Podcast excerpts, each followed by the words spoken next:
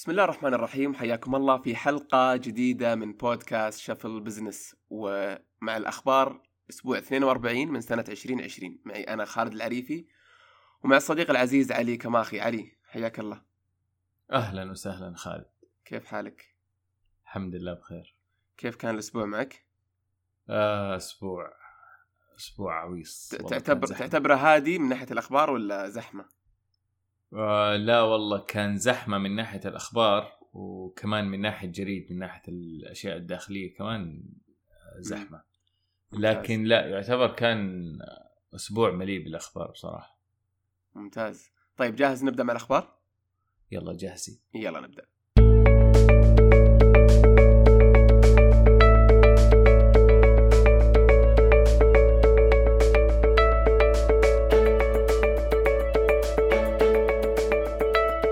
الأول معنا آه، يتكلم عن ال- المزادات والأسرار النفسية اللي خلف المزادات. لو تعطينا فكرة يا علي عن ال- ال- الخبر. جميل. هو الخبر طبعا عن آه، جائزة نوبل للاقتصاد. جائزة نوبل للاقتصاد يا أخي من الأشياء الجميلة.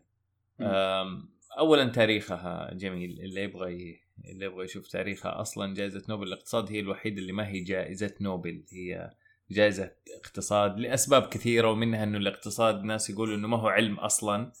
ما هو علم hard science زيه زي الكيمياء وزيه زي الفيزياء. بس هذا موضوع ثاني ما له علاقة وما نبغى ندخل فيه بس ويسبب مضاربة ويسبب زعل عند الناس اللي الاقتصاديين. لكن طلعت نتائج جائزة نوبل للاقتصاد هذا الأسبوع. اللي فازوا بيها ناس كانوا مهتمين درسوا شيء جدا جميل اللي هو المزادات. كلنا. نعرف المزادات المزادات موجودة في كل مكان في حياتنا. ودرسوا الأشياء النفسية اللي في المزادات. آه، طبعا بدأوا دراساتهم بدأت من الستينات اللي فازوا بالجائزة اثنين متشاركين فيها. واحد كان مشرف على الدكتوراه على الثاني. درسوها من الستينات. ووصلوا إلين 2016 تطبيقات الدراسات اللي اللي درسوها. آه بس يعني كانت مبدعة الدراسة. جميل. وإيش ال ال ال- ال- الحل اللي اللي وصلوا له؟ وإيش فكرة الدراسة نفسها؟ طيب جميل. اولا خلينا نبدأ بس شوية كذا من أول دراساتهم. أول ما بدأوا الدراسة هم تكلموا عن شيء في المزادات إنه إيش الفرق بين المزاد وطريقة البيع العادية؟ ليش المزاد أحيانا الناس يفضلوا يبيعوا به في المزادات في شيء سموه winner's curse أو لعنة الفائز اللي هي إنه كل واحد في عالمه في المزاد. يعني كل واحد عنده سبب ليش يبغى يشتري الشيء هذا في المزاد. okay. وكل واحد عنده طريقته الخاصة في التقييم والناس ما يتشاركوا هذا الموضوع. طيب هذا نفسيا إيش يسبب؟ يسبب إنه إلا ما يكون في واحد من تخيل العشرة اللي بي اللي بيفكروا يزايدوا إلا ما واحد منهم معطي قيمة أعلى من القيمة الحقيقية للشيء اللي بي اللي بيزايدوا عليه. مما يعني إنه في الأخير اللي يفوز بيدفع قيمة أكبر من القيمة الحقيقية للمنتج. طيب؟ فهذا الشيء اسمه لعنة الفائز وموجود في المزادات. فالناس نفسيا عشان يتجنبوا لعنة الفائز هذه أي تقييم؟ هو يقول أنا مثلا والله هذه الأرض مثلا والله قيمتها كذا أنا ما حأزايد بأكثر من المبلغ الفلاني. إذا أنا قلت هذه الأرض قيمتها 150 أنا ححط 130 أقصى شيء فوق ال 130 ما حأطلع. مم. اللي يقولوه هذول الباحثين إنه لما يصير هذا التنقيص عن القيمة الحقيقية هذا في هدر. لمورد في هدر للعشرين ألف في في مشكلة صارت في السيستم ولازم إنها تنحل وبدأوا يقترحوا أشياء ثانية وبدأوا يقترحوا إنه لا لازم إنه يكون يعني كحل لهم المقترح يقولوا لازم نلغي اختفاء المعلومات هذا اللي موجود ولازم إنه يكون في آه، فتح للمعلومات بطريقة أكبر يعني مثلا الأرض قبل ما تفتح عليها المزاد آه، آه، تشارك إنه تقول والله الحل المقترح آه، أو التقييم المقترح للأرض هذه هو 140 ألف. في. مقيم رسمي خبير في في المجال يقول إنه 140 ألف هو السعر المقترح للأرض. يلا نبدأ المزاد. ويبدأوا مثلا من وات من 70 ألف طيب بس دائما المزادات تبدأ ولا تبدأ من رقم محدد؟ المزادات تبدأ من رقم محدد بس المزادات ما تبدأ من رقم واقعي. المزادات تبدأ من رقم بس عشان يبدأوا فيه. لكن دائما حتى إلى درجة إنه اللي يصير في المزادات لو ما ارتفعت كثير ممكن يسحبها البايع يقول لا ما وصلت الحد اللي إحنا نبغاه. فال... فالرقم اللي تبدأ منه ترى ما هو رقم آه واقعي. اللي بيقولوه هنا إنه إحنا عارفين إنه الرقم اللي نبدأ منه ما هو رقم واقعي. وإحنا عارفين إنه ممكن يوصل إلى ما شاء الله على حسب إذا جو اثنين تضاربوا ويزايدوا على بعض لكن المطلوب إننا نسوي شيء في النص اللي هو إيش الرقم المتوقع منه إنه يكون واقعيا هو الصح. okay. بس الكلام هذا ينطبق حتى على المزادات الرقمية الأونلاين؟ يعني على أي نوع من المزادات؟ هذا ينطبق يعني مشاركة المعلومات كحل ممكن ينطبق على أي نوع من أنواع المزادات سواء كانت أونلاين ولا offline لأنه هو في الأخير المزاد مشاركة المعلومة ممكن يكون شيء جنبها. على سبيل المثال شراء السيارات في أمريكا شراء حتى السيارات المستعملة إيش الفرق بينه وبين وبين الأسواق الثانية؟ في أمريكا أي أحد يجي يبغى يشتري سيارة مستعملة يقدر يروح يشوف قيمتها تقريبا من آه كلي بلو بوك أو اللي هو شيء تقييم معتمد كل الناس يستخدمه. تحط فيه أميال السيارة تحط فيه آه وهو يسحب بنفسه معلومه تاريخ السيارة هل صار لها حادث ولا لا ويقدر يطلع لك قيمة. هذه القيمة صار متعارف عليها إنه هذه قيمة وسطية في السوق. فلما أنت حتبدأ المزاد ما في خوف من إنك تبعد من الوسط لأنك أنت عارف كم قيمة السيارة في السوق وهذه معلومة عند كل الناس. هذا يسهل المزادات. طيب و... آه. والباحثين يقترحوا ليش ليش يقولوا هذا أحسن طيب للمزادات طب ليش أحسن إنك تشارك المعلومة؟ لأنه في الأخير يصير اللي يفوز هو عارف ما ما فاز بسبب إنه غش وأخذ بسعر أقل أو أو أو انضحك عليه وأخذ بسعر أكثر لا هو أخذ بالسعر الحقيقي فاللي يأخذ بالسعر الحقيقي هو اللي عارف إنه مع إنه مع السعر الحقيقي أنا حقدر أستفيد منها معناها إنه أنا أكفأ وأقدر أشتغل بكفاءة أكثر من غيري. فأنا إني أنا آخذ المنتج هذا وأستفيد منه هذا هو الأكفأ للسوق وكذا حيستفيد السوق والجميع بشكل أكبر. طيب آه وأنت إيش رأيك يا علي في ال في ال في الاقتراح؟ أنا عن نفسي تعلمت كثير من إني أنا أعرف أول شيء عن المزادات يعني يعني هذه مرة حلوة حكاية لعنة الفائز وكذا. لكن اقتراحهم ترى اقتراح ما هو بس كلام على ورق يعني هم في الأخير نفذوه نفذوه على أكبر المراحل يعني آه اللي صار إنه كان يتكلموا إنه في أمريكا كان في بعض الأشياء الأشياء الحكومية لما يبغوا يجوا يعطوها للقطاع الخاص كانت ما تصير بطريقة مزادات وكانت بتصير بطريقة إنه آه على حسب الشركة القريبة من الحكومة الشركة اللي اللي تقدر تعطي بروبوزل يعني معقول يجي يقول أوه إحنا حنستفيد من هذا الشيء. مثلا نقول شبكات الجوال مثلا إذا اعتبرناها حكومية ويبغوا يحولوها للقطاع الخاص. فجو بدل قالوا بدل ما, ما إحنا ناخذ هذه نعتبر إنه شركة جات للحكومة وقالت إحنا حناخذ هذه هذه الشبكات وإحنا حن حنشغلها بالطريقة الفلانية ولما نشغلها بنعطيكم أنتم مبلغ وبناخذ إحنا مبلغ. كان هذا اللي صاير في الحكومة الأمريكية. طيب وهذا سبب هدر إلى إلى درجة ما.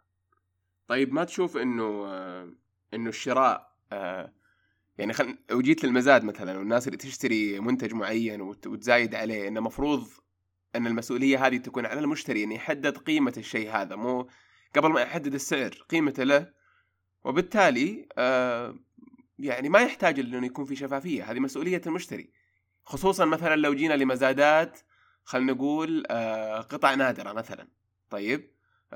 في قطعة يمكن قيمتها عند شخص X آه، وقيمتها عند اللي جنبه عشرة X يعني double عشر مرات.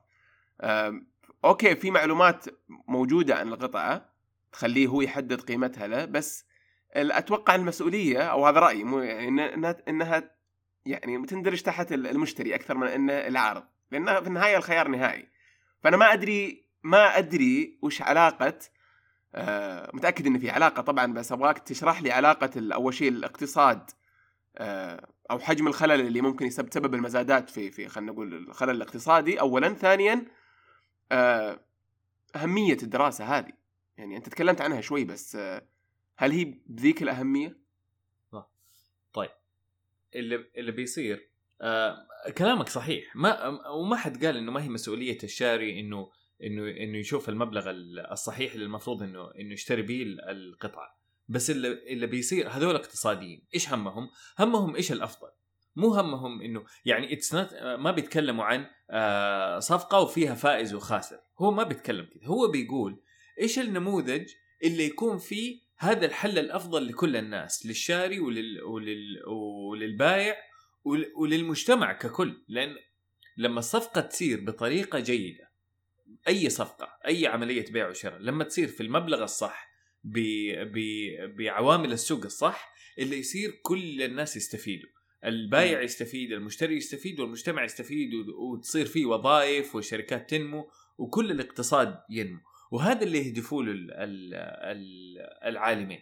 فمعناها إنه حتى لو إنها صارت إنه في في مزاد معين أحد شاف القيمة 10 إكس وهو اشتراه وهو راضي اللي بيقولوا هذول الاثنين إنه بيقولوا لما هذا اشترى ب 10 X صار في هدر لل 9 X هذه الزيادة okay؟ ولو إنه هو اشتراها بال X نفسها اللي هو بالسعر الحقيقي كل الناس بيستفيدوا بشكل أكبر الاقتصاد كله يتحسن بشكل okay. أكبر. ما طيب مثال خلينا نعطيها بمثال واقعي عشان آه، بلاش إنه يكون الموضوع نظري لأنه هو فعلا ترى الموضوع نظري وترى صعب حتى في التطبيق ترى ما هو سهل. اللي صار انه الحكومة الأمريكية لما جت تبغى تسوي مزاد قالت اسمعوا أنتم قاعدين تتفلسفوا علينا من أول يا دكاترة الاقتصاد تعالوا أنتم يلا هيا بسم الله إحنا عندنا شيء يلا هيا بيعوا لنا هو للقطاع الخاص أنتم صمموا المزاد. قاموا راحوا صمموا مزاد بصراحة شوية معقد يعني سووها كذا مرة. لكن النتيجة سووها مرتين المرة الأولى كانوا يبغوا يعطوا شبكات الجوال يبغوا يعطوها آه للقطاع الخاص عشان يشغلها آه هي في الأول كانت مبادرة حكومية وبعدين كانوا يبغوا يعطوها للقطاع الخاص. هذه هذه أول مرة. الثاني مرة كانت في 2016 شيء جدا قريب. إيش اللي صار؟ في شبكات آه بث بأحجام جدا كبيرة وكل اللي كانوا بيستخدموها اللي كانوا بيستخدموها شبكات التلفزيون. فهي الحكومة أعطتها في السابق لشبكات التلفزيون. الآن شبكات التلفزيون ما تحتاجها بنفس ال بنفس ال بنفس الطريقة. ويبغوا ينقلوا هذه الشبكات من شركات التلفزيون إلى شركات الاتصالات اللي بتعطي إنترنت للناس. جميل؟ اللي صار فهدول جو صمموا مزادين في نفس الوقت. مزاد يخل... يقول مين من الشركات يبغى يتخلص من من من البث اللي عنده أو يبغى يبيع؟ مين من شركات التلفزيون يبغى يبيع؟ كميات البث اللي موجودة عنده. ومين من شركات ال... والثاني مين من شركات الاتصال يبغى يشتري؟ المهم صمموا طريقة معقدة شوية. ممكن أي أحد يقرأ عنها عنها زيادة في في التفاصيل في الرابط. لكن اللي طلع كنتيجة طلع في الأخير من هذا كله حوالي 20 مليار دولار. من من العملية هذه. جزء كبير منها راح للقطاع الخاص الناس اللي كانوا مشترين البث وباعوه وجزء كبير ثاني راح للحكومة حوالي 6 أو 7 مليار دولار راحت كلها لسداد العجز. أوكي. القصد لما تسوي أنت عملية المزاد بكفاءة عالية جدا حيستفيدوا كل الأطراف سواء البائع أو المشتري أو الأطراف الثالثة. أوكي. واضح. طيب الخبر الثاني معنا يقول آه انتقال مكاتب خدمة العملاء إلى البيوت. آه وين وليش يعني؟ أوه والله هذا الخبر يعني ممكن إيش؟ يعني يكشف الجانب السيء من آه من الشركات وإيش ممكن تسوي بصراحة يعني للأسف. آه خبر كبير ترى يعني كان له أسبوع أو أسبوعين أتنقل في كذا مكان يعني كذا في أمريكا بصراحة و... وزعل ناس كثير و... وللأسف يعني منتشر. خلينا نتكلم بس نشرح وش اللي صاير. اللي صاير إنه في شركات كبيرة آه مؤخرا بدأت تكبر. آه ومثال لها شركة اسمها ارايز آه طلعت. آه الآن إيش هي؟ هي شركات تعمل في الخفاء وما تبغى تعلن عن نفسها. الشركات هذه إيش سوت؟ خلينا نتكلم بس مثلا نتخيل قبل 10 15 سنة كانوا موظفين خدمة العملاء. لما تيجي تكلمهم مثلا موظف خطوط السعوديه لما تيجي تكلمه أو موظف أي شركة موظف HP لما تيجي تكلمه أنت بتكلم موظف في الشركة كان يشتغل في قسم عنده قسم خدمة العملاء. طيب؟ حلو. اتغيرت عبر السنين صاروا لا والله جات شركات تيجي تقول اسمع بدل ما انت تجيب موظفين خدمة عملاء وكذا أنا أجيب وأنا ادرب وأنا أسوي كل شيء وانت خلاص تتعامل معايا بعقد حلو. فصارت اللي هي يسموها شركات ال outsourcing أو شركات ال call centers متخصصين في ذا الموضوع حتى إلى درجة صارت ممكن إنها تصير في في دول مختلفة. يعني مثلا الشركة مثلا اتش بي تكون في أمريكا لكن موظف خدمة العملاء ممكن يكون في أيرلندا أو ممكن يكون في الهند و الموظف موجود هناك لكن مربوطين كلهم بسيستم واحد. ممتاز. لكن الناس تضايق وإيش صار؟ الناس تضايق قال أنا ما أنا ليش أنا أكلمك ويرد علي أحد من الهند بأكسنت ما أفهمه أنا أتضايق من ال... من الخدمة هذه فما ما نبغاها. فبالنسبة للشركات كان مغري إنهم يجيبوا أمريكيين أو ناس محليين آه، يردوا على على مكالمات خدمة العملاء لكن في نفس الوقت مرة غالي. يعني مرة في فرق آه، في الرواتب بين هنا وهناك. ما كان في حل. جات شركة اسمها ارايز قالت أنا بس جبت لكم الحل. أنا حاجيب لكم موظفين أمريكيين وبنص السعر. بسعر جدا مقارب للطريقة اللي أنت كنت بتسويها في الهند أو في هذا. ممتاز. كيف؟ المهم في تفاصيل كثير لكن المختصر المفيد إنه إيش شركة ارايز هذه تسوي؟ شركة ارايز هذه مثلا تروح لسيدات أو أو أي أحد مضطر إنه يشتغل من البيت عنده أولاد أو عنده هذا okay؟ يقولوا لهم أسمعوا أنا ممكن أخليك تشتغل في خدمة العملاء في ديزني ولا في Airbnb ولا في شركة مرة كبيرة ومن البيت. مو بس كذا أنا حخليك كأنك شبه أنت صاحب عمل أنت صاحب مؤسسة. كل شيء يعني أنت حتكون مستثمر مو بس موظف. وقالوا لهم ها و... وباعوها لناس برا كثير بهذه الطريقة. وبعد طبعا بعد فترة اكتشفوا هذول كلهم إنهم هم مجرد موظفين. واللي صار إنه اتنقلت أشياء كثير من من حقوق الوظيفة اتنقلت إلى إلى هذول المتعاقدين. يعني الموظفين من حقوقهم إنهم هم يتدربوا. هذول ما عندهم حقوق تدريب. فاللي يبغى يشتغل في ديزني لازم إنه يسوي كورس ثلاثة شهور على طريقة تعامل خدمة العملاء في ديزني يسويه بنفسه. يدفع عليه. أو تسويه بنفسها. ولازم تدفع عليها. فممكن تدفع 300 400 500 دولار على هذا الكورس عشان تسوي هذا الكورس عشان ديزني تتفضل عليها وتقبل إنها تشتغل عندها. لا وأبشرك. بعد ما يخلصوا هذا الكورس الثلاثة شهور ممكن ما تنجح. هذا أول شيء. الشيء الثاني بعدين لو تبغى تشتغل مع ديزني لازم إنها تشتري الأشياء. يعني إذا ما عندها لابتوب لازم تجيب لابتوب لازم تجيب سماعة بطريقة معينة مايك بطريقة معينة. لازم كل هذا يكون موجود. فاتنقلت تكاليف التدريب وتكاليف التأسيس تقريبا اللي هي لخدمة العملاء كلها اتنقلت على المتعاقد. وبكذا صار هذه شركة ارايز قدمت خدمة لديزني آه، بسعر مقارب للي برا. لكن طبعا بدأت تطلع المشاكل بعد كذا. يعني. شركة ارايز تاخذ آه تاخذ من ديزني ولا تاخذ من الموظف؟ تاخذ عمولة من العملية هذه اللي تصير. آه يعني سواء تبغى تحسبها إنهم آه، هم أخذوا من ديزني ولا بس هو اللي بيصير إنهم هم أخذوا من المتعاقد. يعني المتعاقد هذا بدل ما ياخذ المبلغ كله بياخذ جزء من المبلغ okay. اللي حتدفعه ديزني لكن العقد بشكل مباشر بين المتعاقد وبين آه ديزني ارايز ما لها أي شغل في الموضوع. ارايز كانت مجرد وسيط.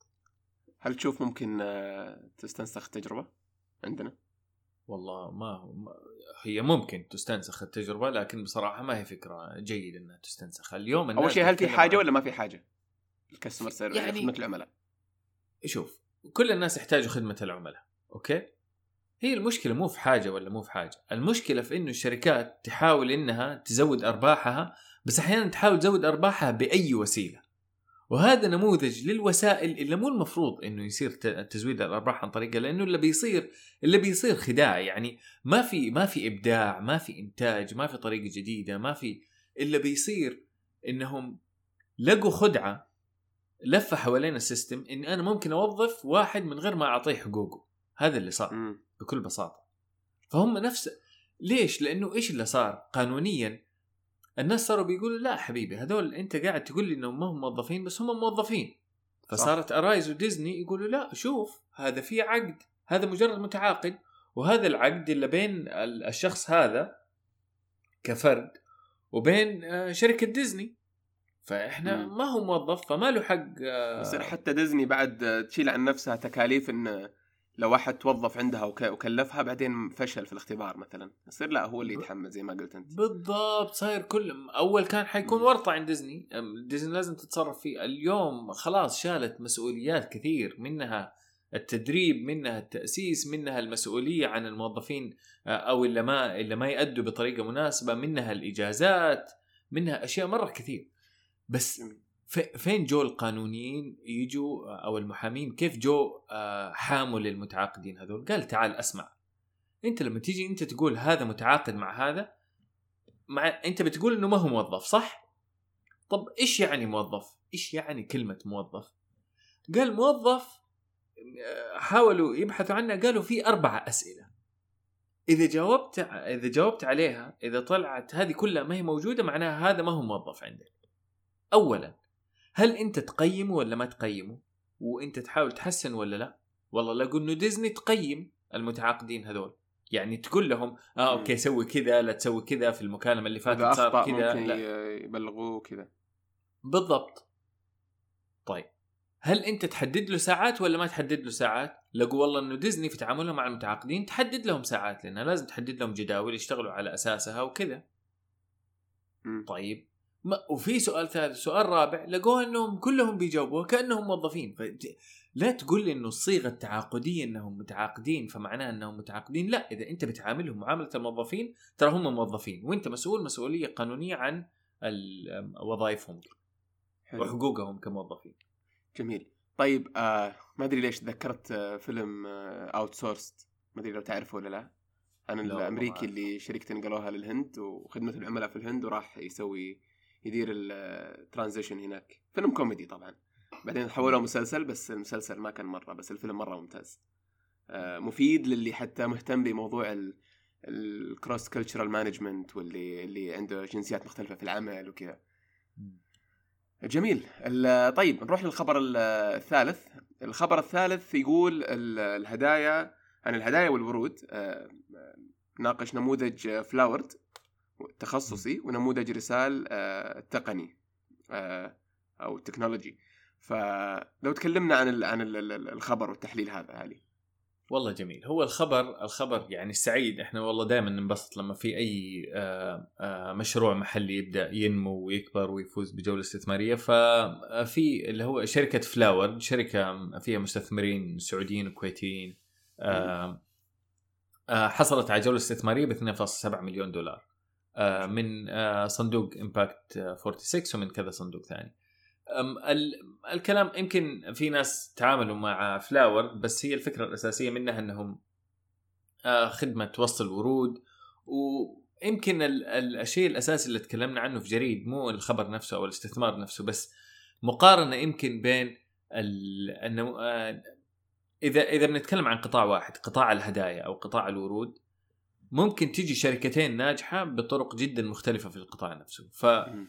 آه، فلاورد ركزوا على نموذج التخصصي اللي هو هم متخصصين في الورود راح يجيبوا الورود حقتهم يستوردوها من الإكوادور وهولندا بأفضل طريقة ممكنة وبطائرات خاصة وبعدين يوزعوها باسطول من السيارات الخاصة. فجدا متخصصين في الورود وهدفهم إنهم إذا أنت تبغى ورود بتجيك الورود بأفضل طريقة ممكنة إلى درجة إنهم ممكن يستثمروا في سيارات معينة أو في طريقة سيارات معينة أو استيراد الورود بطيارات وإلى آخره.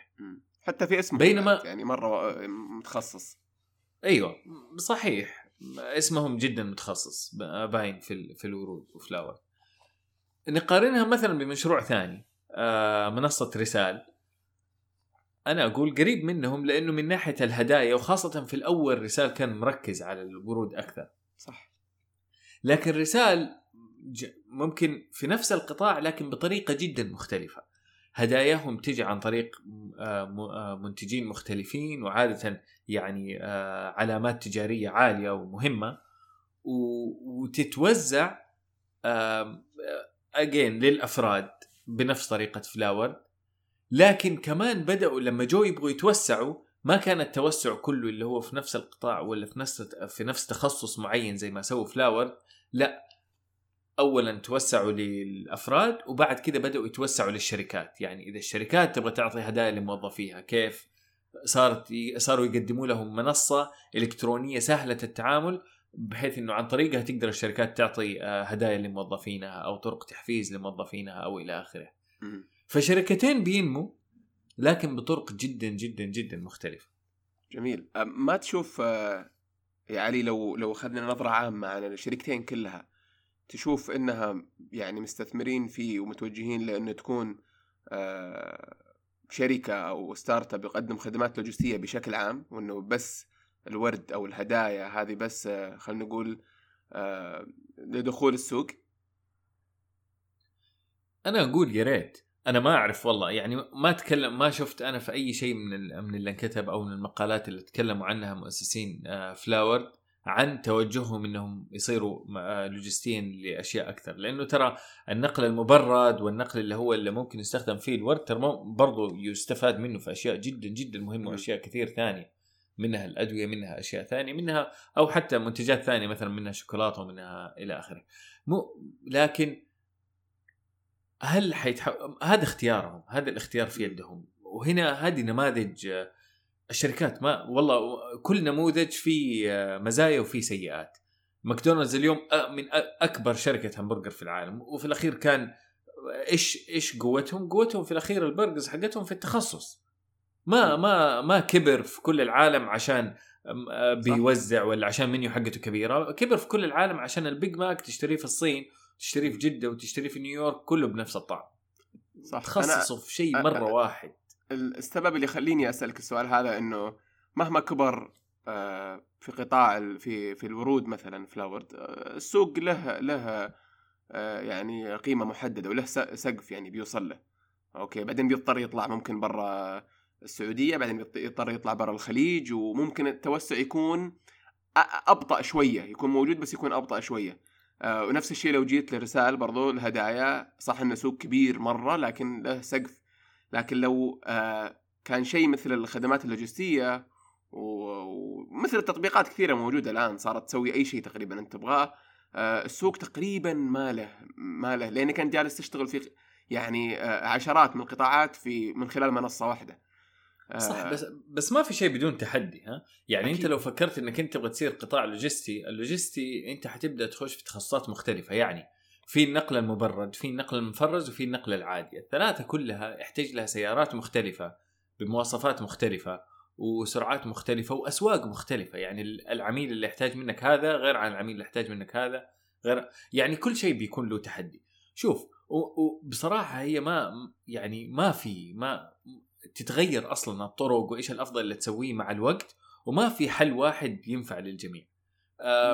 فلاورد فلاورد بس مهم الوضوح لنفس الشركة وخلاص يا أخي عندهم استراتيجيتهم ويفضلوا يكملوا فيه، يعني إذا فلاورد يبغوا يكملوا في ال flowers خلاص يكملوا. بس زي ما أنت قلت. هذا اللي حيضطر إنهم يسووا، معناها إنك أنت بتركز في الورد أنت بتكون محليا.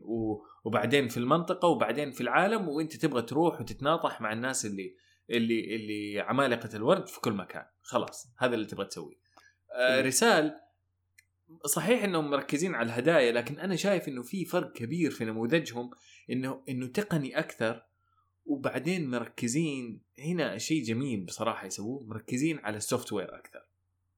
مما يعني توسعهم ما راح يكون بنفس تكلف آه، بنفس آه، تكاليف آه، توسيع فلاورد إيش أقصد؟ فلاورد إذا هم بيقولوا إنهم هم يحتاجوا سيارات بطريقة معينة وطيارات بطريقة معينة. فلو راح أي سوق لازم إنه السيارات هذه تكون موجودة هناك. صحيح؟ صح. رسال بيقول لك بيقول لك لا أنا أنا كل الفن أو الكور اللي عندي أو تركيزي هو المنصة الإلكترونية اللي توصل بين اللي بي بينتجوا الهدايا العلامات التجارية وبين اللي بيستقبلوا الهدايا اللي هو مثلا خلينا نقول الشركات. فأنا كل تخصص إني أنا أخلي هذه ال- المنصة الإلكترونية اللي بينهم تشتغل بأفضل طريقة ممكنة وتقدر إنها تشتغل في عدة دول. هذا راح يسهل لرسال إنهم يصيروا في دول مختلفة. آه، رسال ممكن هي اليوم موجودة في ثلاثة دول. ترى ممكن بعد أسبوع تكون موجودة في 10 دول 15 دولة. بسبب إنها بتس بتستخدم قدرة ال software الكبيرة على التوسع أو ال scalability اللي موجودة في ال software واللي دائما تنحد أول ما أنت تيجي تبدأ تضرب في الأشياء اللي هي hardware أو أو يعني ما ما تقدر تستخدم خدمات ثانيين وفي الأخير لازم مضطر إنك أنت تبنيها بنفسك في في العالم الحقيقي. ما هي برمجيات. جميل. آه ممتاز. طيب نتابع ونشوف إيش يصير مع مع رسال أو مع فلاورد ومثل ما قلت يعني الواحد يبغى لنا نراهن. آه، الواحد بطريقة. إيش؟ على قولك ويصير نرجع نراهن كذا بعد سنة نشوف مين اللي يكبر أكثر. بس لا بس الاثنين إحنا مبسوطين فيهم بالعكس نبغى الاثنين يكبروا أكبر إن شاء الله إن شاء الله. خير طيب الخبر الرابع والخبر الأخير معنا اليوم اللي هو عن شركة سكوير تعطي دفعة إضافية للبيتكوين غير اللي سوتها في البداية. قبل ما نتكلم عن البيتكوين لو لو تعطينا بس نبدأ سريع عن شركة سكوير وقصتها. شركة سكوير هي مؤسسة من نفس اللي مؤسس شركة تويتر جاك دورسي. الفكرة الأساسية من شركة سكوير عندهم خدمات كثير هي شركة دفع إلكتروني. يعني مثلا قريبة من باي بال أو باي تاب أو أي أي نموذج للدفع الإلكتروني. يمكن أكثر منتج مشهور لسكوير هو خدمات نقاط الدفع ال POS machine لما تروح أي مكان تشتري ببطاقه مدى أو بطاقة البنك اللي أنت بتستخدمه هذا اسمه ال POS فصارت تقدم ال POS بطريقة جدا سهلة للمحلات. يعني ال POS ترى هذا كان مشكلة. أي أحد راح يفتح محل ويبغى يبدأ يستقبل بطاقات دائما في عنده مشكلة إنه كيف يجيب الجهاز هذا ويجيبه عن طريق البنوك والبنوك تقدم لهم وتطلب منهم ويقولوا لك إيش حد العمليات ويعطوك مبلغ إنك تدفعه شهريا غير إنها أصلا العملية كلها تأخذ وقت وكانت مجهدة يعني. يعني كأنه انتصار لما يوصل محل إلى مرحلة إنه يفتح إنه يصير عنده جهاز يستقبل بطاقة كان كأنه انتصار. سكوير جات سهلت هذا الموضوع كله قالت له أنت مالك شغل في هذا الصداع كله. أنت تأخذ هذا الجهاز من عندنا وطالما أنت متصل بالإنترنت إحنا نتصرف وإحنا راح نستقبل البطاقات هذه بدالك إحنا نتصرف في ذا الموضوع كله مقابل نسبة معينة. وانتشر هذا الموضوع انتشار النار في الهشيم على قولها طيب آه وبعدين إيش حكاية دعمهم للبيتكوين. جميل. هذا جاك دورسي أو ممكن سكوير بشكل عام عندهم يمكن كشركة هم مؤمنين بالعملات الرقمية وال وال والبيتكوين بشكل أخص. فاللي صار هم أصلا من الأول من أول ما أطلقوها كانوا بيقولوا الوعد وإننا إحنا ترى ممكن نستقبل بيتكوين ترى. يعني زي ما انت تقدر تدفع بالكاش تقدر تدفع ببطاقه وترى تقدر تدفع من بالبيتكوين. هذا كلام قديم الظاهر من 2014 موجود كمان الكلام في الخبر الأدق. لكن كل فترة والثانية كانت سكوير من قوة إيمانها بالبيتكوين تيجي تعلن إنها حولت جزء من أصولها أصول الشركة الشركة إيش تملك من من كاش أو من فلوس حولت أصولها إلى بيتكوين. والخبر يقول إنه إنه مؤخرا حولوا أصول زيادة إلى إلى بيتكوين أيضا. ف النقطة كذا شيء. هي الخبر هو انحط في جريد لأنه في كذا خبر صاير عن البيتكوين والعملات الرقمية في الأسبوع الماضي. بس اللي باين إنه شهر ورا شهر وسنة ورا سنة العملات الرقمية باين إنها بيزيد ثباتها في السوق وبتنتشر زيادة وزيادة وكون سكوير اللي موجودين في عالم المدفوعات الرقمية ومع ورغم الأزمة ورغم الكورونا ورغم هذا يستثمروا زيادة في البيتكوين هذا علامة ممكن تكون إيجابية أكثر للعملات الرقمية. okay. آه يعني ما تشوف إن يعني لو شفنا اليوم العملات الرقمية وشفناها خلينا نقول شهر آه ديسمبر من السنة الماضية أو حتى السنة الماضية نفس الوقت ما تشوف إن الترند خف شوية والاهتمام خف خصوصا من الناس اللي مش متخصصين الناس العامة؟ يعني هو خف لأنه اللي صار ممكن آه قبل قبل فترة قريبة يمكن كان شوية غير طبيعي من ناحية إنه فجأة كذا كل الناس اهتموا فيها وطاحوا فيها خاصة مع الارتفاع المهول للبيتكوين وما قبله وبعده أو ارتفاع المهول لكل العملات الرقمية. آه، لكن ترى كثير كانوا بيراهنوا على إنه هذه العملات الرقمية راح تنزل لصفر. وتنزل إلى إلى ولا شيء وترجع إلى حقيقتها اللي هي إنها مجرد آه، إنها ولا شيء ومجرد داتا موجودة على الإنترنت. لكنها ثابتة. مجرد ثباتها واستمرارها في السوق هذا علامة إيجابية لهم للعملات الرقمية. لكن إنها تجي تجي أخبار إضافية كل فترة والثانية من شركات كبيرة تستثمر في في في البيتكوين زيادة أو تحول أصولها إلى البيتكوين. أو حتى نسمع عن حكومات إنها بدأت تسوي قوانين للعملات الرقمية هنا لا يجي يقول لك أوكي لا معناها إنه سواء ارتفع ارتفع سعر البيتكوين ولا لا اليوم لكن الأخبار كلها المؤشرات كلها تقول إن العملات الرقمية موجودة لتبقى. ممتاز. طيب هذا شيء ثاني بعد نتابع ونشوف. ممكن نتراهن عليه الحلقة الجاية. آه بس آه يعني آه وكجزء ثاني يمكن بس مهم من الخبر يعني قبل ما هذا اللي هو الخبر الثاني اللي برضه متعلق بالعملات الرقمية إنه الصين لما أطلقت عملتها الرقمية الصين م. أطلقت عملة رقمية تجربها الآن وأطلقتها يعني على مدى يعتبر كبير يعني يعتبر الصين طبعا تقصد الحكومة الصينيه بشكل رسمي. البنك البنك المركزي الصيني أطلق عملة رقمية و... و... واليوم وزعوها على خمسين ألف شخص في مدينة شنزن. وزعوا ما يقارب آه، قيمته مليون ونص دولار على خمسين ألف شخص بالتعاون مع ثلاثة ألاف متجر. على تجربة يبغوا يشوفوا كيف إيش اللي بيصير في العملة الرقمية هذه.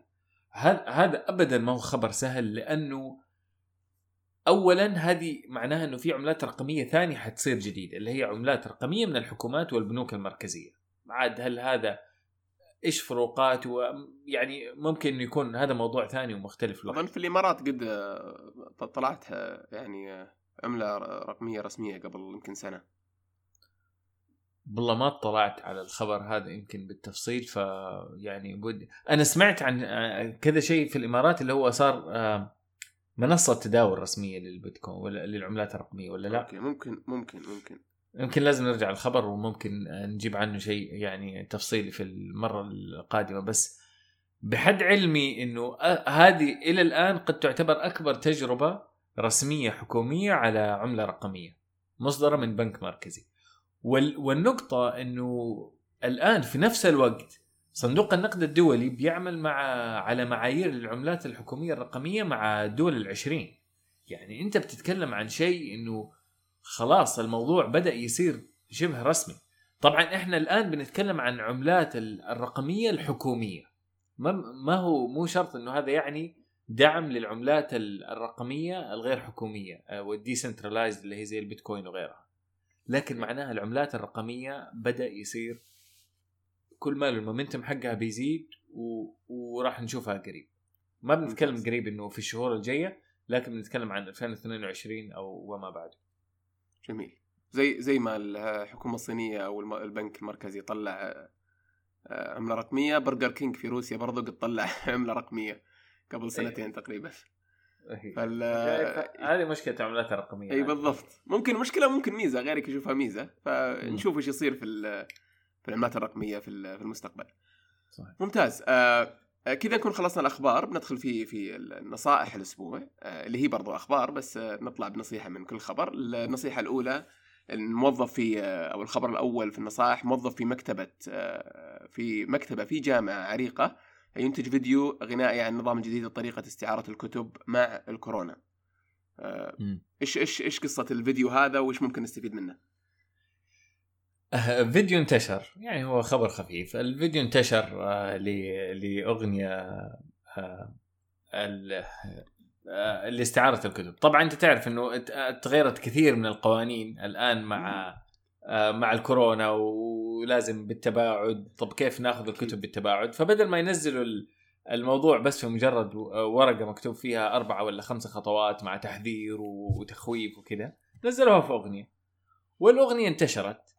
وبعدين جات جامعة هذا أول واحد كان في مكتبة. يعني مكتبة قصدي تابعة تابعة للحكومة. لكن آه، جو بعدها بشهرين آه، مكتبة جامعة ديوك برضو موظف فيها. آه، بالتعاون مع يعني رئيسه طلع فيديو ثاني بأغنية ثانية والأغنية الثانية هذه جدا انتشرت إلى درجة إنها موجودة على سبوتيفاي بس الفكرة إنه الفكرة أستمتع بعملك. أي واحد ممكن لو إنك تيجي تقول له واحد يشتغل موظف آه، في مكتبة في يعني ما هي وظيفة جد لا هو لا مدير كبير ولا عنده صلاحيات كبيرة ولا عنده موظفين كثير ولا عنده ميزانية كبرى. لكن هذا ما منع إنه يستخ... إنه يستمتع بعمله. يعني أنت لما حتشوف الأغاني ولا تسمعها باين إنه في ناس مسوينها بمزاج ويبغوا الناس يستفيدوا لكن بطريقة مسلية شوية. ف أستمتع بعملك يا أخي. في أي في أي مكان تكون سواء أخذت الترقيات ولا ما أخذتها سواء صرت مدير كبير ولا لا. يعني مو مو الهدف من الوظيفة إنك أنت بس تصير مدير وإذا ما صرت مدير ممكن تصير زعلان وكيف أنقل وكيف هذا. كلنا طموحين وكلنا نهدف للأفضل. لكن أحيانا إبداعك في عملك آه، في رضاء لذاتك وفي فائده للآخرين. وهذه بس نماذج واقعية لايش ممكن يصير. وما يتعارض مع إنك تبغى تصير مدير كبير ولا إبداعك في عملك يعني بالعكس آه، وسيلة ممتازة إنك تترقى وإنك آه، على قولتك الواحد يسويها عشان يرضي نفسه قبل ما إنه يرضي نفسه ويرضي اللي حوله. يعني بدل بدل ما إنه يقول لا ترى لو ما صار لي promotion وترقية إذا سويت الشيء الفلاني خلاص أنا بقفل وما راح أشتغل. يعني هي فلسفة فالواحد لازم إنه وأسلوب حياة يعني الواحد لازم إنه يكون أول شيء آه، قنوع باللي عنده ويعطي كل ما عنده ألين ما يتغير يتغير اللي عنده للأفضل. وعيش يومك. انت, إيه؟ أنت بس في يومك سوي اللي تقدر عليه. يا أخي أنت في مكانك سوي اللي تقدر عليه. بدع. انت أنت راح ترضى على على نفسك وتنبسط. وعلى قولك اللي بيصير ما حيتعارضوا. أنت لما أنت تبدع حتى إذا تأخرت عليك الترقية في يوم ولا شهر ولا سنة ولا سنتين ترجع تجيك. تجيك في وقتها. طالما أنت مبدع وطالما أنت بتشتغل بيجيك اللي يقدرك في يوم من الأيام. وهذا أتوقع اللي يفرق اللي يفرق الناس المميزة في العمل عن الشخص العادي اللي تلقاه أصلا محبط دائما يقول لك الوضع ما راح يتغير وأنا دائما ما راح يتغير لأنك أنت ما تغيرت وانت ما ما أعطيت أفضل ما ما عندك. وعشان طيب. نظلموا أحيانا الناس يجربوا أحيانا الناس يجربوا ويجي يقول له لكن يصطدم بمدير سيء وهذه تصير يعني هذا واقع في الحياة. بس صح. انت اشتغل وبدع لنفسك مو عشان مديرك طيب ولا ولا مديرك سيء. وكمل وعيش يومك وانبسط في حياتك وانبسط في عملك. ما خلاص يا أخي وعادي يعني. وبتشوف مع الوقت بتشوف نتائج رهيبة. صحيح. طيب الخبر الثاني عندنا فيديو آه آه يعني فيه ال ال ال الأشخاص اللي يطيرون دائما نشوفهم بين الجبال والمقاطع هذيك اللي تنتشر ما أدري صراحة وش وش اسم الرياضة هذه إذا كانت رياضة. لكن الشخص هذا آه، رجل آه، إسعاف وينتقل بين الجبال على أساس ينقذ المصابين. آه، تدري وش اسم الطيران هذا؟ لا والله تصدق الظاهر jet jet fuel ولا jet أظن أظن فيها فيها jet فيها شيء نفاث fly jet عفوا. أي fly jet فالظاهر عفوا. الظاهر إنه اسمها اللي هي fly jet أو أو الطيران النفاث الشخص. فال يعني قد إحنا على قولك شفنا هذه الفيديوهات كثير في خلال السنتين ثلاث سنين اللي فاتت. ممكن تشوف الفيديو هذا اللي هو إنه كيف الناس يجربوا إنه واحد يطير بشنطة موجودة على ظهره ويبدأ يطير شوية ويوقف و... والطيران مو كثير. لكن الفكرة كلها اللي أنا حسيت ان ان الواحد ممكن يستفيدها من من هذا الفيديو ان الواحد الكلام مو في الطيران هذا بس إيش الهدف من الطيران هذا؟ هل هو تسلية ولا ما هو تسلية ولا كيف أقدر أستفيد منه؟ خاصة إذا ما يقدر يطيرني إلى مكان ما أقدر أستفيد منه بالطريقة اللي نتخيلها عادة في الطيران اللي هي إني أنا أنتقل من مكان لمكان. يعني ما ما راح أسافر من جده للمدينه بالطيارة هذه اللي أشيل شنطة على ظهري وأفضل أمشي في في الحر ساعتين. لكن يمكن الهدف الأساسي كان من هذه إنه وراك إنه الانتقال في في أماكن جبلية وعرة حيكون جدا مفيد لاكتشاف المصابين بطريقة أسرع. فصار تطبيق جدا جميل لتكنولوجيا وبطريقة خفيفة يعني. ما ما هي ما هي بطريقة مستحيلة ولا يتطلب تطوير آه، كبير للتكنولوجيا هذه. فالفكرة كلها الفن في التطبيق مو في الفكرة نفسها. أحيانا بأفكار بسيطة بس دور على أفضل مكان لتطبيقها هنا تكون القيمة كلها. صح وأتوقع السوق يعني السوق مليان باختراعات يمكن شفناها وراحت ولا شفناها موجودة بس ما زالت شيء يبهر الناس ويمتعهم بس بدون ما أحد يفكر كيف ممكن يكون فعلا مفيد على على أرض الواقع. ف يعني يعني حتى عن الاختراعات اللي قد صارت من قبل. فأنا أشوف فرص مره مره مرة كثيرة. جميل طيب الخبر اللي بعده يقول آه، فكرة مشروع يعيد آه، عينات المنتجات للحياة إيه. آه وش ال وش ال وش السالفة؟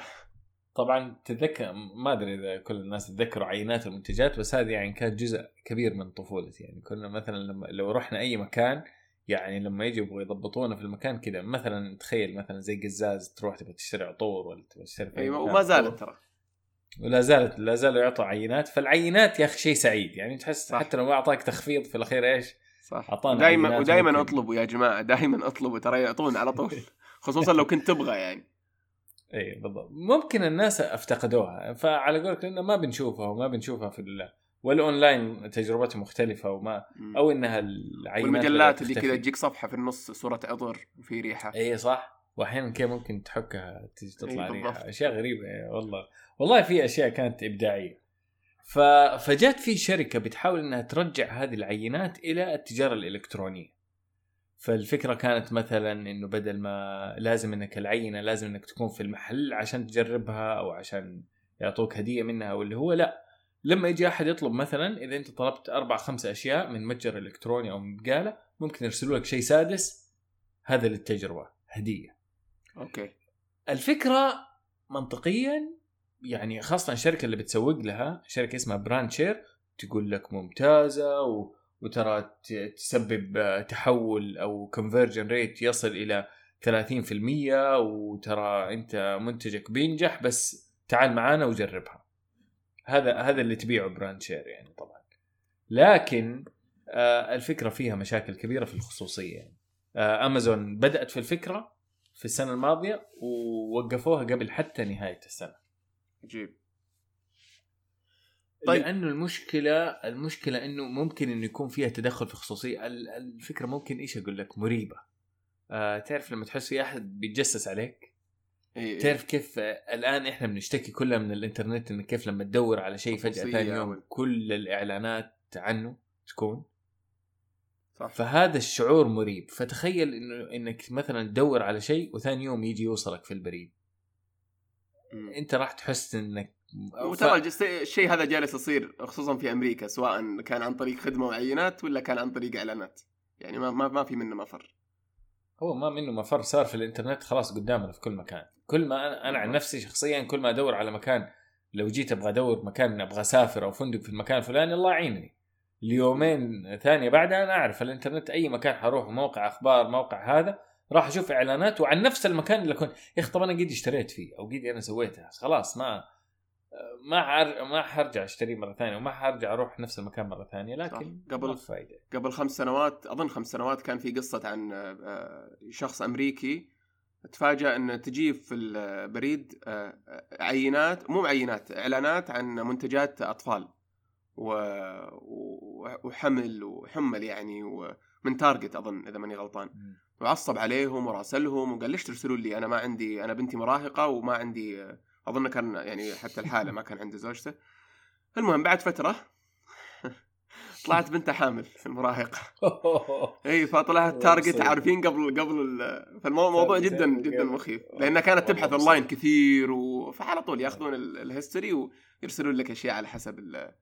يعني ال- يعني ال- ال- البيانات اللي تستهلكها عسير امس شفت فيلم social dilemma يا أخي فيلم كئيب قد ما هو مهم قد ما هو كئيب أنصح كل الناس يشوفوه لأنه يتكلم أنا ما أنصح على. فكرة لأنك تقول كئيب. أنا ما شفته بس تقول أنت لا يا أخي هو ما هو كئيب. هو ما هو كئيب بس واقعي. هو يجي يقول لك إيش هذا إيش اللي ورا الشاشة؟ يقول لك لما أنت تطل في الشاشة هذه اللي اللي واحد يحاول يبيعك أو يخليك تجلس أكثر على الموقع الإلكتروني نتكلم عن ال social media أكثر شيء. حتى تتكلم عن خاصية معينة. يقول لك مثلا تعرف لما أنت تضغط على تحت وفوق يكون ال loading وتنتظر إذا في شيء زيادة. مثلا تنتظر إذا حطيت. post ومنتظر لايكات زيادة أو منتظر follow زيادة أو اللي هو. شايف أنت في كل مرة بتسحب عشان تشوف إذا في شيء صار جديد ولا لا يقول هنا استخدموا نفس الخدعة النفسية اللي موجودة فين؟ اللي موجودة في سلوت ماشينز أو مكاين القمار اللي موجودة في في هذا. يقول لك. شايف أنت كيف دائما تبغى وهذا شيء نفسي. يقول لك مو أنت دائما تبغى تفوز. فاحيانا تنزل تقول ها خليني أشوف حفوز ولا ولا ما حفوز. وبعدين ما تفوز. وبعدين ترجع تسوي مرة صح، ثانية صح. وتسوي مرة ثالثة وتسوي مرة رابعة. يقول لك هم طبقوا نفس الشيء أخذوها من هناك وحطوها هنا. هو في الأخير إيش اللي بيصير؟ هم يبغوا يجلسوك قدام الشاشة قد ما يقدروا. هم لا هم مهتمين هل هذا لمصلحتك ولا مو لمصلحتك أكيد. وطبعا كلام الفيلم إنه هذا إنه راح يسبب مصيبة وخاصة للجيل الصغار اللي هم جيل ال Z اللي هم من مواليد 95 وفوق اللي هم اللي أول جيل جاء في مرحلة المتوسطة وهو موجود عنده social media. يقول المصيبة كلها هنا مو مو عند ال- اللي أكبر منه طيب Anyway. بنحط يبغانا نحط. رابط ال- الفيلم في ال description اللي يبغى إيه،. يبغى يشوفه آه الخبر الأخير أو فيديو ما هو بخبر آه، شيق. نحاول ما, ما نسترسل فيه لأن موضوع مرة شيق اللي هو عن رائد الأعمال اللي باع مشروع لأبل ب 275 آه مليون دولار أندي ميلر. آه طبعا باع لأبل فاضطر يقابل ستيف جوبز وال board حق أبل وقتها وي- ويصف شخصية ستيف جوبز وطريقته في المفاوضات و, و... ولو لو تكلمنا بس عن عن ال... ال- يعني زبدة أنا أنا عندي شيء بقوله بس أنت لو تقول لنا عن قول. فائدة الخبر هذا انه كيف شخصية ستيف أ- جوبز وش أنا- الفائدة؟ أنا أنا أنا اللي أنا اللي أنا أستفيد شخصيا من هذا الخبر. يعني أنا أبغى أسمع منك عن عن موضوع ستيف جوبز لأنه يعني أنت صاحب خبرة يعني خاصة في التعامل مع شخصية أو يعني مهتم في ذا المجال وأنا شفت كلامك عنه بصراحه كلامك جميل. طيب. بس القصد إنه م. إذا كان مديرك أتحمل أحيانا بعض الناس اللي أخلاقهم سياحية لو انت بتستفيد منهم. أحيانا إحنا عواطفنا تاخذنا. ليش قال عني كذا؟ أو ليش قال كذا؟ أو صح. ما وانت ترى كثير من المبدعين أخلاقهم للأسف زي الزفت. هذا هذا واقع. طيب؟ إيش الحل الأفضل؟ هل أنت على طول تيجي تقول لا كرامتي وما قال لي وما وقال لي وما قال لي وكذا وتسحب نفسك؟ ولا تصبر؟ ال- الأرقام تقول إنك تصبر أفضل. واللي يصبر. ينجح واللي يصبر يستفيد واللي يصبر يتعلم و... ما أقدر يعني أوصف لك إياه. فأنا هذا يمكن الخبر اللي اللي أحس أنا تعلمته أو أنا ممكن أحاول أطبقه يعني في في المستقبل. okay. طيب آه، أول شيء قبل ما أتكلم عن عن ستيف جوبز أو عن المبدعين القياديين بتكلم عن إن الواحد هل المفروض إنه يتحسس ولا المفروض إنه ياخذ قرارات بناء على علاقة علاقته مع مديره ولا أسلوب مديره. طبعا كل شيء في الحياة trade off يعني كل شيء زي ما قلنا قبل حلقتين تقريبا كلها trade off إذا والله آه، يعني آه، يعني تحلل قرارك قبل ما تتخذه وتشوف هل اللي جاك من مديرك أو من الأشخاص اللي حولك حتى آه، يعني يسوى إنك تتخذ القرار اللي تبي تتخذه ولا لا. وكل واحد يحكم عقله. لكن إن جينا لل- لل- للمبدعين اللي في أدوار قيادية أول شيء أول مشكلة إحنا نشوفها خصوصا عندنا يعني ممكن تنتشر كثير إن هذا الشيء ما هو خيار للشخص. يعني شخصية الشخص غالبا ما تكون خيارة خصوصا عند الأشخاص المبدعين. يعني ستيف جوبز مثلا كانوا يقولون ريحته سيئة. آه، يمكن ما يهتم ب... ب... يعني بأوقات الناس و... وفي شوية غرور وغطرسه بس شوف وش اللي طلع منه. طلع من الرجل عنده رؤية ما قد صارت يمكن في في يمكن ما قد صارت في أشخاص في آخر 100 سنة إلا يمكن 10 أشخاص ولا أقل. آه، الرجل يفكر وش ممكن يصير آه، يعني في في المستقبل قبل ما إحنا نفكر فيه يشوف المستقبل قبل ما إحنا نفكر فيه. ما كان عندهم لا لا focus groups ولا كان عندهم لا فمبرر له يعني صح. تصرفات يعني لو طير اليوم CTO ولا طير أحد من المدراء عنده وجاب أحد بداله ممكن ما يتغير ولا شيء في الشركة لأنه هو عنده الرؤية وعنده ال- صح. يعني إحنا ما ن- ما نهمش من أدوارهم طبعا لكنه مبرر لتصرفاته وغيره كثير غيره كثير بنفس الشيء. يعني حتى في ناس حولنا تشوفهم تقول يا أخي وش هذا؟ وش فيه متغطرس ولا؟ مبرر له عشان يعطي. لكن مشكلتك اللي ما هو مبرر له. مشكلتك اللي يعني عنده غرور وشايف نفسه ويمكن ما يهتم لا بشكله ولا بتعامله مع الناس وفي النهاية ما طلع منه شيء. هذا نقول له لا. ممكن لما تسأل يقول لك يا أخي أنا أنا مدير يعني آه، هذا أسلوبي. لا مو بهذا أسلوبك. فاللي أنا أبغى أوصل له إن هذا ما هو بخيار. هذا أسلوب كذا يجي مع الواحد. فهمت علي؟ صح. وهذا يجرنا ل- ل- لنقطة ثانية. حتى في الموظفين ترى مو شرط يكون في مو بشرط يكون في شخص قيادي. لما يكون عندك موظف آه، سواء كان مهندس ولا كان مصمم وعلى فكرة يا علي ترى مش بس في, في, في الناس الإبداعيين المهندسين أسوأ وأسوأ يجيك واحد. جيك يعني في البوكس. حقه. بس ولا مبرمج ولا بس عن عشرين مبرمج ولا عن عشرين صح. مهندس هذا هل من الحكمة إنك تطيره عشان أسلوبه سيء ولا عشان ما يلبس كويس ولا عشان لا. فكر وش ممكن يعطيك وش ممكن يعطيك ممكن تستفيد منه فدائما يعني نصيحتي لل- لل- لل- للأشخاص اللي اللي في يعني مناصب إدارية وقيادية إنك شوف وش ال- النتيجة اللي تطلع من الموظف اللي عندك قبل ما تحكم على أسلوبه وعلى وكثير نشوف قرارات كذا يعني حتى لو سوى خطأ قرارات يقول لك لا خلاص هذا سوى الخطأ الفلاني مع السلامة فهمت علي؟ لا شوف وش. أنت فائدتك منه ويندمون بعضهم بعد يندم بعد ما يمشي الموظف ولا يندم بعد ما يسبب مشكلة معه ولا مم. فأتوقع هذا الدرس المستفاد من الفيديو. بنحط الرابط في في ال description وشوف الفيديو. ممتع صراحة وصف الشخص جدا ممتع. أيوة. أعطانا زوايا ما ما تشوفها لا في كتاب ولا تفاصيل حتى أسلوبه كان حلو. يا أخي وبعدين شايب يعني شايب ويقول لك أنا يعني كان يهزئني. يعني بالضبط. قصدي؟ يا- يعني ما سبحان الله قدرة الإنسان على التحمل فوق الخيال. بس الواحد ما يعرف. الواحد ما الواحد ممكن أحيانا يستهون بنفسه قديش يقدر يتحمل. صح لكن لما تشوف التجارب هذه يعني فعلا تجي تقول ال- الإيجو حقت الشخص لو قد ما تقل قد ما يكون مرن أكثر وقد ما يكون آه، آه، يقدر يعني يستغل الفرص بشكل أكبر صح. يعني يا هو ما هذا- ناس منعتهم. الايجو. حقتهم إنه يسوي أي. صحيح ال- الإيجو ما وهذا اللي ما نعرفه إنه الإيجو عدو لي أنا قبل ما يكون لأحد ثاني وأتذكر دائما كلمه كانت موجودة في في في جيم عند مدخله يعني والله أنا حسيت افادتني بكثير من أنحاء حياتي. إنه يجي يقول leave your ego at the door يعني مهما أنت كنت كبير مدير في أكبر شيء في الحياة لما تيجي تدخل الجيم إذا أنت حتدخل بنفس الشخصية وأنا مدير وما حد يقول لي أنا إيش أسوي؟ أنا أسوي بنفسي. ما تعرف تعرف ال creative وش يكتبون؟ إيش؟ يكتب على باب ال- الغرفة حقته leave your opinion عند خلي رأيك عند الباب. يعني إذا دخلت ما أسمع منك شيء تفرج وأنت ساكت. طيب. طيب الله يعطيك العافية علي كذا نكون وصلنا لنهاية الحلقة. آه، أتوقع حلقة كانت دسمة. يعني تكلمنا فيها عن أربع أخبار وتكلمنا فيها عن أربع يعني ميني أخبار وأربع نصائح فالله يعطيك العافية ما قصرت. الله يعافيك. يلا نشوفكم الأسبوع الجاي إن شاء الله. إن شاء الله. والشكر للمستمعين شكرا لوقتكم. وزي ما نقول كل حلقه اللي عنده أي مقترحات أو أي آراء أو أي نقاش حول أي من الأخبار اللي تكلمنا فيها يعني لا يرد إلا ال social media و... وبنحط وصف ال... في وصف الحلقة كل الأخبار اللي تكلمنا عنها و... ونشوفكم إن شاء الله في الحلقة